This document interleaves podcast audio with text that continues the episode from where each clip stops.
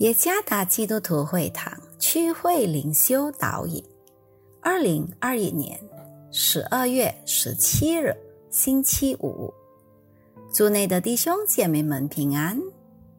今天的灵修导引，我们将会借着圣经《撒母耳记上》十七章四十一到五十节来思想今天的主题：宣告上帝的权柄。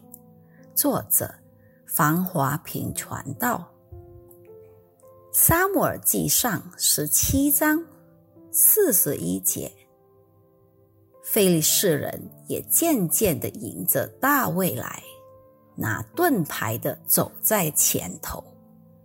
非利士人观看，见了大卫就藐视他，因为他年轻，面色光红，容貌俊美。菲利斯人对大卫说：“你拿杖到我这里来，我岂是狗呢？”菲利斯人就指着自己的神咒诅大卫。菲利斯人又对大卫说：“来吧，我将你的肉给空中的飞鸟、田野的走兽吃。”大卫对菲利斯人说：“你来攻击我。”是靠着刀枪和铜戟，我来攻击你；是靠着万军之耶和华的名，就是你所怒骂带领以色列军队的神。今日耶和华必将你交在我手里，我必杀你，斩你的头，又将费利士军兵的尸首给空中的飞鸟、地上的野兽吃。使普天下的人都知道以色列中有神，又使这众人知道耶和华使人得胜，不是用刀用枪，因为征战的胜败全在乎耶和华，他必将你们交在我们手里。菲利斯人起身迎着大卫前来，大卫急忙迎着菲利士人。往战场跑去，大卫用手从囊中掏出一块石子来，用机弦甩去，打中费利斯人的耳。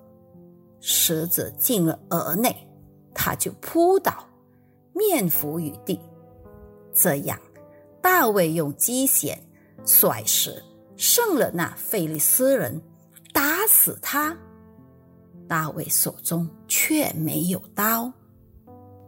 一次蜜獾 （Honey Badger） 正与一条相当大的眼镜蛇搏斗。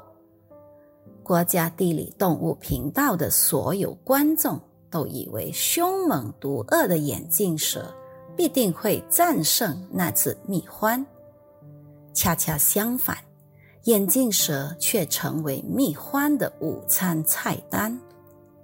大卫对抗歌利亚的搏斗更令人匪夷所思。大卫，一个缺乏经验的年轻小伙子，却向凶猛的费利士巨人歌利亚迎战。强大的歌利亚拥有无与伦比的力量和武器，铜盔甲和致命的锋利铜戟。而大卫则只是一个没有战争经验的年轻牧羊人，更何况要击败一名巨人战士。他原先的目的只是给他在战场上的哥哥们带些奶饼。到了战场上，大卫见没有人敢接受费利士人的挑战。就连扫罗王和所有的以色列人都极其害怕。参看第十一节。然后大卫自愿要与歌利亚作战。当大卫自告奋勇时，众人是多么惊讶！大卫这非凡的勇气是从哪儿来的呢？士兵们只看到可怕的歌利亚。但大卫却在他身上看到了上帝的权柄。他凭着信心说：“你来攻击我是靠着刀枪和铜戟，我来攻击你是靠着万军之耶和华的名，就是你所怒骂带领以色列军队的上帝。参看第四十五节，大卫恰当的宣告并运用上帝的权柄。倘若我们今天正面临着巨大的挑战，专心仰望，并倚靠在生命中拥有最高权位的上帝，他必赐我们力量，帮助我们面对一切。没有什么巨人能比我们的上帝更巨大。愿上帝赐福于大家。